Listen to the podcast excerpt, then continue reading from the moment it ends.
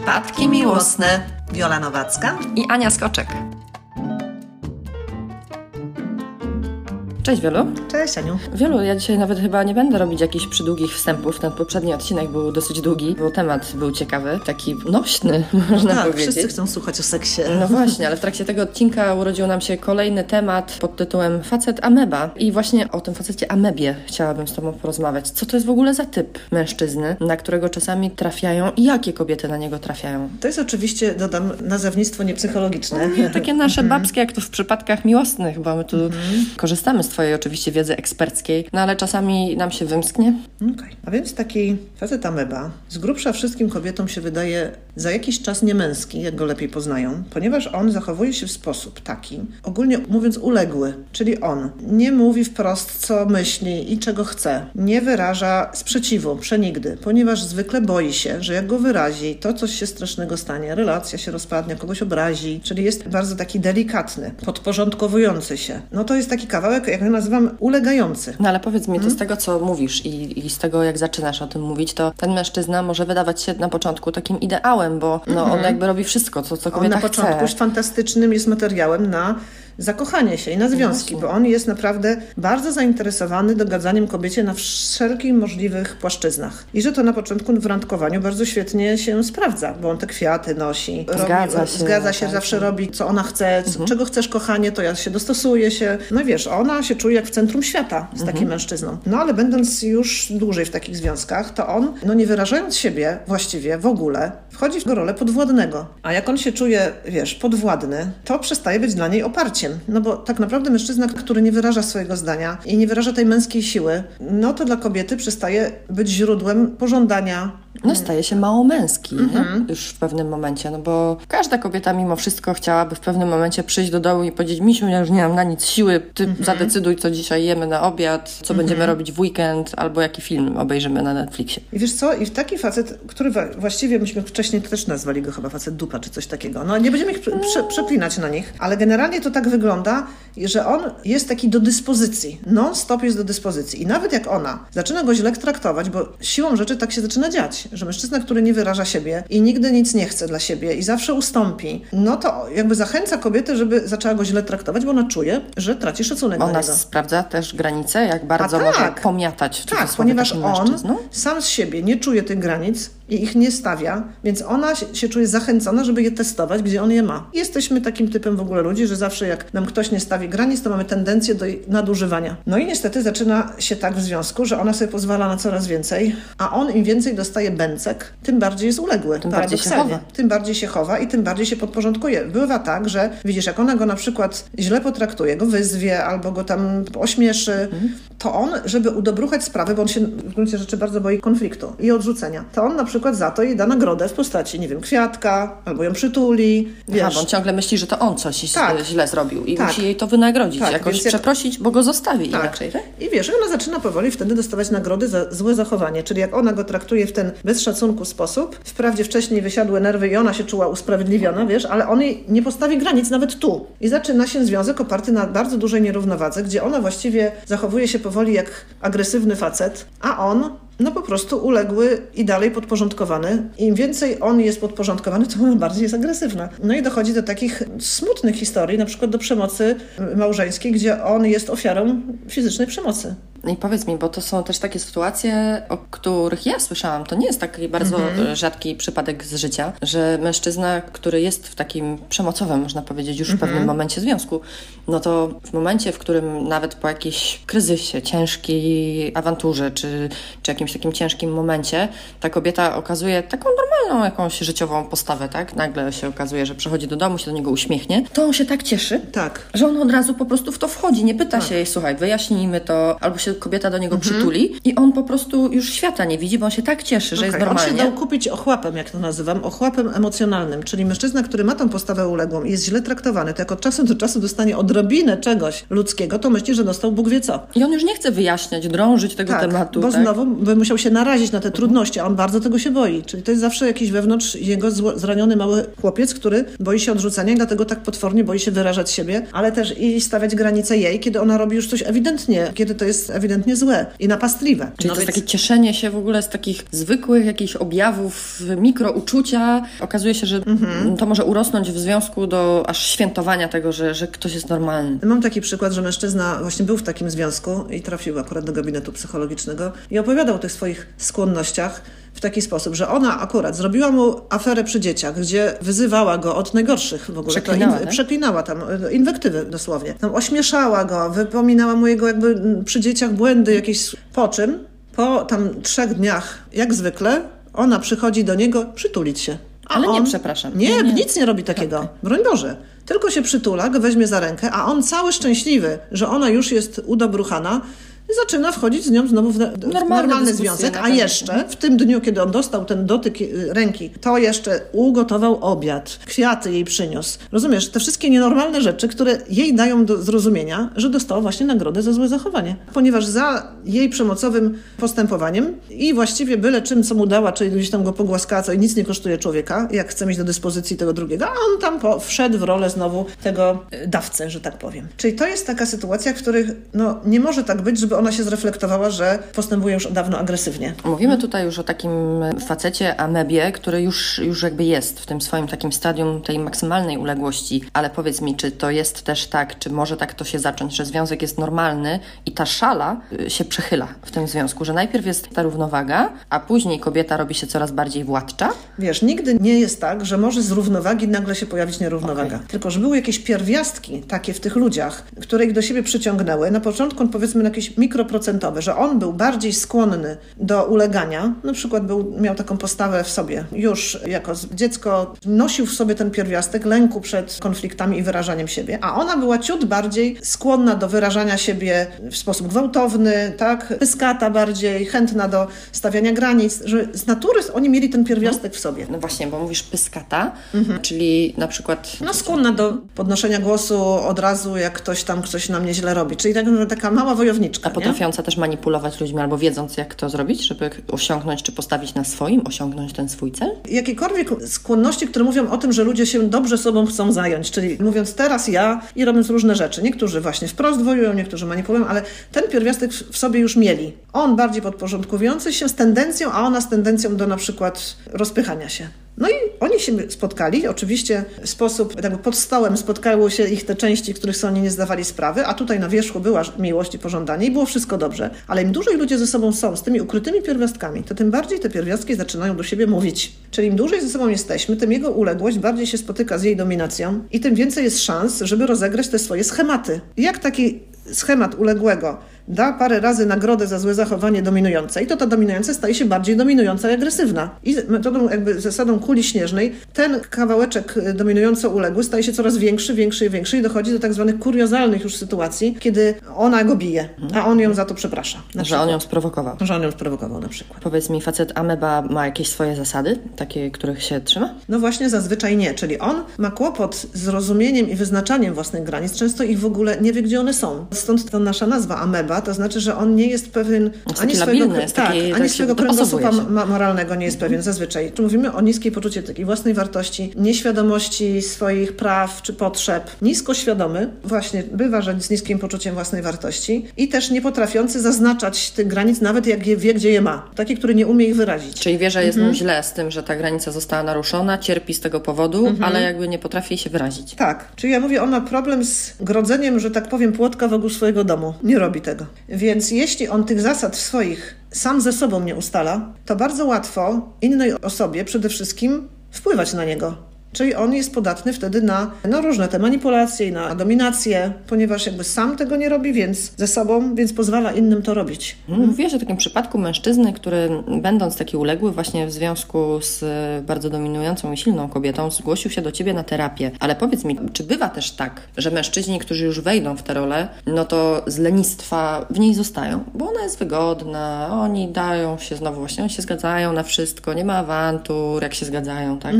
Dają się tak sobą Tak, sterować. to może być wygoda, czyli tak zwane lenistwo, czyli zazwyczaj rządzi tym potrzeba wygody, nie? czyli tak zwanego zachowania pseudobezpieczeństwa, czyli żeby nic nie ruszać. Ale często też oprócz tego, to nasze anioł bez głowy teraz przy, przytoczę, że to jest taka potrzeba bycia dobrym bez względu na wszystko. Że bywają w, w tym pakiecie ameby mężczyźni, którzy mają takie wielkie przekonanie, że muszą temu światu coś z siebie dać. I tym niestety swoim partnerkom też, bez względu na to, co one z nimi wyprawiają. No i to jest taka też przyczyna, że, że możemy po prostu czuć się misjonarzami niesienia dobra. Wszelkiego dobra za, za wszelką cenę. cenę. Za cenę mhm. samego siebie też. I to jest bez sensu. Nie? No dobra. Mhm. Czyli przez jakiś czas to może trwać, ale taki mężczyzna w końcu pęknie? On zazwyczaj jest doprowadzony do skrajnej desperacji, takiej rozpaczy, bo dochodzi do wniosku, że tyle z siebie dał, że już się więcej nie da, wyprół sobie te wszystkie żyły, a ona coraz bardziej na nim tam wsiada na niego i mu i robi z nim te wszystkie okropne rzeczy. Nawet po latach, tak? W związku. Coś tak. zaczyna, nowe rzeczy coraz, zaczynają nie pasować. Tak? Coraz gorzej. Ona na przykład, im dłużej ten związek trwa, to ma, jakby to pomiatanie i pogarda jest na tyle takie wynaturzone,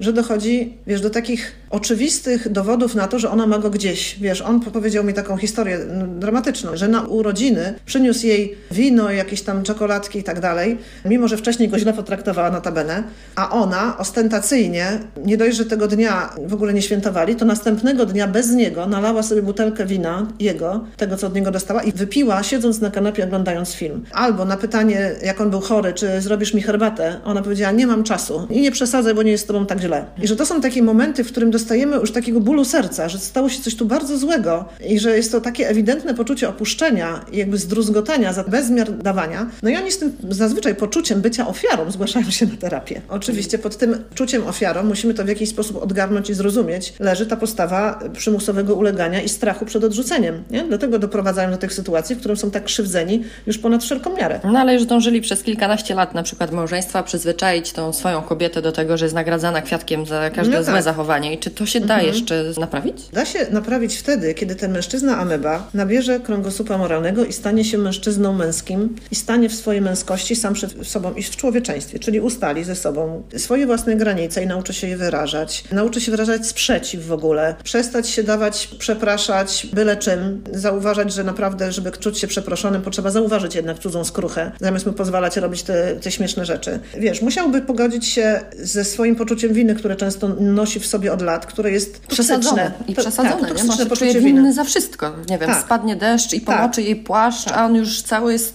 Wiesz, skulony, bo będzie zła. Tak, toksyczne poczucie winy jakby jest połączone z tym niezdrowym poczuciem odpowiedzialności, bo nie, niemożnością rozróżnienia, gdzie się kończy moja odpowiedzialność za coś, a gdzie już nie. Czyli oni często czują się nadmiarowo odpowiedzialni za różne rzeczy, przez co nadmiernie winni. No i to też by musieli w sobie uzdrowić, a to wszystko się robi w psychoterapii. I właśnie ten mężczyzna, biedny ameba, jak to wszystko ze sobą jakby się dowie, że to, co mu się w życiu przytrafia w tym związku, w sumie duża część tego stworzył też sam, tylko na tym nieświadomym często poziomie, bo to przecież nie są jakieś świadome historie. Więc jak on się dowie, że to stworzył sam i to zmieni w sobie, to zaczyna inaczej się zachowywać. I wiesz, jest to zawsze ryzykowne, bo niesie ze sobą taką szansę, że tutaj, że się pogorszy jeszcze to, co było takie złe, że jak on staje w tej męskości, to ta kobieta, która była tym hersztem, kontrolerem, mhm. wiesz, się też przyzwyczaiła do tego, dyrektorką, nie? wiesz, to, i nagle jej podwładny podnosi głowę i mówi, ja tutaj staję i jestem równy tobie. Nie przeklinaj na mnie, nie ubliżaj. Tak, nie mhm. życzę sobie, uczę ich mówić, nie życzę sobie, żebyś tak do mnie mówiła. Słowo nie życzę sobie jest jeszcze większe niż nie, samo nie. Wiesz, nie życzę sobie na te oczywiste, przemocowe historie. No więc ona zazwyczaj może dostać jeszcze ataku jeszcze większej furii, czy ona przekroczyć granice wszelkie te, które już miała, wiesz, dawno przekroczone. Czyli bywa tak, że dochodzi jeszcze do dantejskich scen, które mogą być graniczne w tym związku i zachęcić ludzi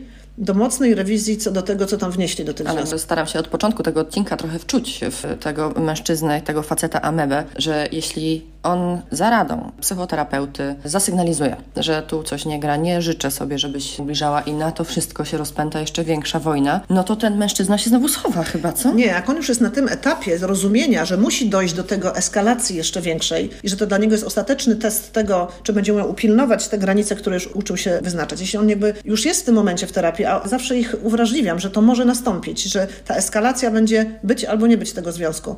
Czyli być albo nie być też dla tej osoby, która się w końcu może zorientować, że ona też musi coś w tym związku zmienić. Wiesz, żeby to przetrzymali. I często jak się przetrzyma ten gigantyczny kryzys, to jest szansa, że ona weźmie pod uwagę to, że rozkręciła w sobie część dominującą agresywną i zacznie też coś z tym robić, choćby pójść na własną terapię. Wiesz, to ten związek może się zrównoważyć za jakiś czas, ale bywa tak, że się musi rozpaść, bo dominator jest tak rozczarowany postawą swojego podopiecznego, y, że tak powiem, tak często to zrzuca agresorka winę na terapeutkę, która mu popsuła jego partnera. O, bardzo często tak jest, że, Aha, że woli sobie zrobić telefony winny... czy maile, no, tak? Że, takie rzeczy, że, że zepsułaś jej męża, że szukamy, tak? szukajmy tu winnego i to zazwyczaj okay. jest terapeuta terapeuta, który źle poprowadził terapię i mi się mąż popsuł. A taki był dobry niewolnik z niego. Tak się na wszystko godził i w ogóle tak A mi usługiwał tutaj i co?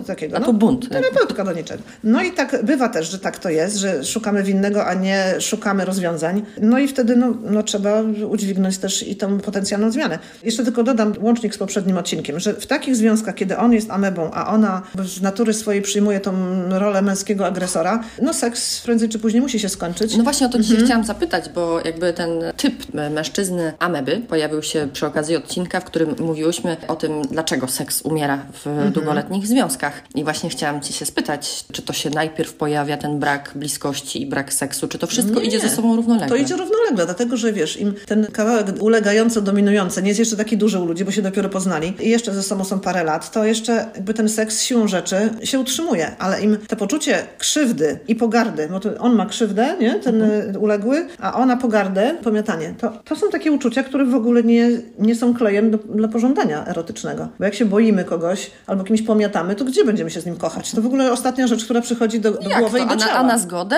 Kochanie się na zgodę nie jest tutaj rozwiązaniem problemu? To jest tymczasowe rozwiązanie, które przez jakiś czas w takich związkach jest i działa. Tylko się okazuje, że coraz mniej działa z czasem, jak pierwotna przyczyna nie została uleczona, czyli ten schemat uległości i, i agresji u nich obojga. Więc to też jest przejściowe i też się wypala. I też na końcu i to staje się, nie wiem, nieatrakcyjne, a nawet obrzydliwe. I wtedy mamy tylko odrętwienie i jesteśmy jak brat z siostrą w tych lepszych momentach, nie? Ale na pewno nie, nie ma tu seksu i nie może być. Nie ma pocałunków, tak? Ani kobieta nie czuje pożądania do tego mężczyzny, bo nie jest dla niej męski, właśnie daje sobą pomiatać. No tak, odwrócenie ja to nazywam, czyli ona jest wojownikiem, używa ciągle złości i przemocy, a on jest żeński, czyli jest uległy, miękki, współpracujący, tak? Mówimy o tych atawistycznych rolach. Odwrócone role, to nie będzie seksu. Ale oczywiście zaznaczmy, że istnieje taka fantazja erotyczna, tak? Czy, czy taki układ w łóżku. Podobanie seksualne. Upodobanie seksualne. Domina, tak. ona jest dominą, a on gra rolę tego sługi czy uległego. To są te gry seksualne. I to jest coś, co mężczyzn i kobiety podnieca, Podnieca. Mhm. jakby wejście w tę rolę, ale zaznaczmy, że to się ogranicza seksualnym. tylko Tak. do łóżka, tak? Tak. Że do sypialni, czy do, do miejsca, w którym uprawiamy seks, tak? Tak, i Że... to jest tylko u tych ludzi, którzy mają to upodobanie seksualne. To jest coś takiego, co nazywamy, można powiedzieć, wrodzoną tendencją. Tak? Mhm. Ale w życiu e, kobieta jest e, kobieca, Tak. a mężczyzna jest męski. Tak,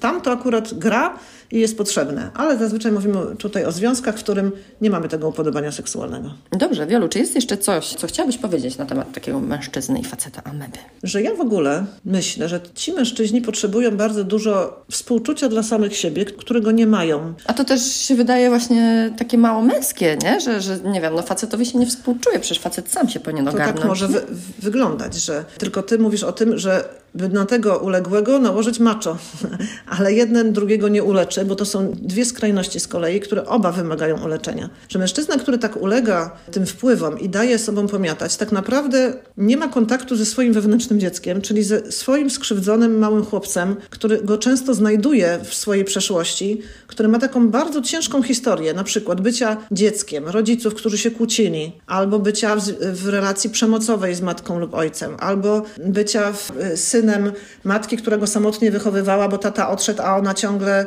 była w jakichś trudnościach. Więc te dzieci nauczyły się ciągle grać jakby drugą rolę, drugoplanową, albo być sam na sam ze swoją krzywdą. Albo wynagradzać temu rodzicowi, tak? Te, Pewne często tak. Na przykład jeśli mieli rodzica alkoholowego, a tak ojciec alkoholik, a na przykład matka, która była jego ofiarą, więc oni się zobowiązali do bycia tym rycerzykiem swojej mamy. Wiesz, to są takie bardzo ciężkie role, w którym dla tego dziecka nikt nie ma współczucia i oni też nie budują współczucia dla samego siebie, żeby siebie w ogóle zauważyć, żeby postawić te właśnie te granice, bo żeby móc postawić te granice, trzeba sobie współczuć, że się krzywdy do, doświadcza, a oni są tej krzywdy tak nauczeni, że właściwie nie widzą tego, jak w oczywisty sposób pozwalają na tą krzywdę w tym życiu. Im się myli, co jest dobre, a co złe i tolerują niewłaściwe zachowania. I żeby tam współczucie dla siebie obudzić, ale to takie zdrowe współczucie, ja nie mówię o litowaniu się nad sobą, czyli użalaniu się, tylko zdrowe współczucie jest czuć, że zasługuje na coś lepszego niż to, co mi się w życiu przytrafia, że nie zasługuje na krzywdę. I żeby sobie tego chłopca wewnątrz wewnątrz w ogóle odnaleźć. Nie mówię tu już, ale przypomnę, że zawsze promuję terapię i że to są najlepsze sposoby e, razem z terapeutą odnajdywać źródła swoich schematów, krzywd i je uleczyć. Tak, niż na bo życie, rękę. życie może być szczęśliwe i życie powinno być szczęśliwe, bo Tak. jest jedno i, i powinno nam sprawiać frajdę. W związku można mieć przez długie lata, nawet jeśli nie te motyle w brzuchu, to można mieć takie poczucie spokoju, spokoju, ale też uczenia się od siebie nawzajem. i takiej też, miłości wewnętrznej, którą czuć, wsparcia od siebie nawzajem, tak? Zaufania bezgranicznego, O, nie? że zaufania. jeśli jak się przed kimś odsłonię, to ten ktoś się mną zaopiekuje, a nie zrobi mi krzywdy. Mhm. I to działa w dwie strony, zarówno jeśli mówimy o kobietach w stosunku do mężczyzn, Tak. tak i o mężczyznach w stosunku do kobiet. Czy jestem za tym, żeby nie zadowalać się tą mierną jakością życia, którą żyjemy, tylko zdać sobie sprawę, co, co to życie robi takim miernym nie? w sobie, że, żeby tych schematów jakoś nie zamiatać pod dywan w nieskończoność, albo żeby nie ciągle żalić się tylko, że inni mi robią krzywdę, tylko żeby zauważyć, chcieć zauważyć, jak to życie tworzę sam, nawet kiedy to jest takie okropne. Bo zawsze to można uleczyć, czyli nie jesteśmy ofiarami tego, co nam się przytrafiło, czyli schematów z przeszłości. Tak, bo to nie jest tak, że pojawiamy się na, na ziemi i każdy ma rozdysponowaną rolę. Mhm. Ty będziesz biedna i będą się nad tobą znęcać, a ja będę szczęśliwa i uśmiechnięta, Mhm. bo ktoś tak zadecydował. Nie, na nasze życie wpływ ogromny i największy mamy my. O czym mówimy i do czego zachęcamy, żeby Tak. ten jednak odpowiedzialność za to szczęście przede wszystkim w swoim życiu wziąć w swoje ręce. I że nawet jak wydaje nam się, że jak czegoś nie umiemy i nie możemy, to możemy się tego nauczyć. I Mhm. to, że my tak troszeczkę z uśmieszkiem mówimy dzisiaj o facecie amebie, nadając mu taką trochę mm, prześmiewczą nazwę, to nie znaczy, nigdy nie Mhm. Że znaczy. nim gardzimy, tylko tak, i nie znaczy, że, że jest się tym facetem amebą raz na całe życie. Tak, mówimy tylko po to, używając tych czasami cynicznych słów, żeby Was zaciekawić, tak, zainteresować. Wstrząsnąć. Wstrząsnąć czasami, żeby się zaciekawić tym tematem, bo za każdą naszą oceną leży głębokie umiłowanie w ogóle dla człowieka i szczere życzenie, żeby on powstał z martwych i się zrekonstruował, że tam zawsze jest dobra intencja, nawet jeśli używamy tych słów. Nie bierzcie ich do siebie, że się z tego śmiejemy. Zawsze życzę ludziom dobrze. Ja też. Mhm. I życzymy dobrze Wam, Waszym znajomym, Waszym bliskim. Rozejrzyjcie się po okolicy, sprawdźcie, czy może warto komuś podesłać nasze przypadki, żeby się zainspirował i chciał coś zmienić czy coś poprawić w swoim życiu. Bardzo Wam dziękujemy za ten kolejny tydzień, w którym jesteście z nami. Poprosimy o łapki, serduszka, cokolwiek, jeśli ten odcinek Wam się podobał. E, i są informacje zwrotne. O, to tak, to zawsze. Wszystkiego dobrego na ten tydzień. Trzymajcie się, do usłyszenia. Pa, pa.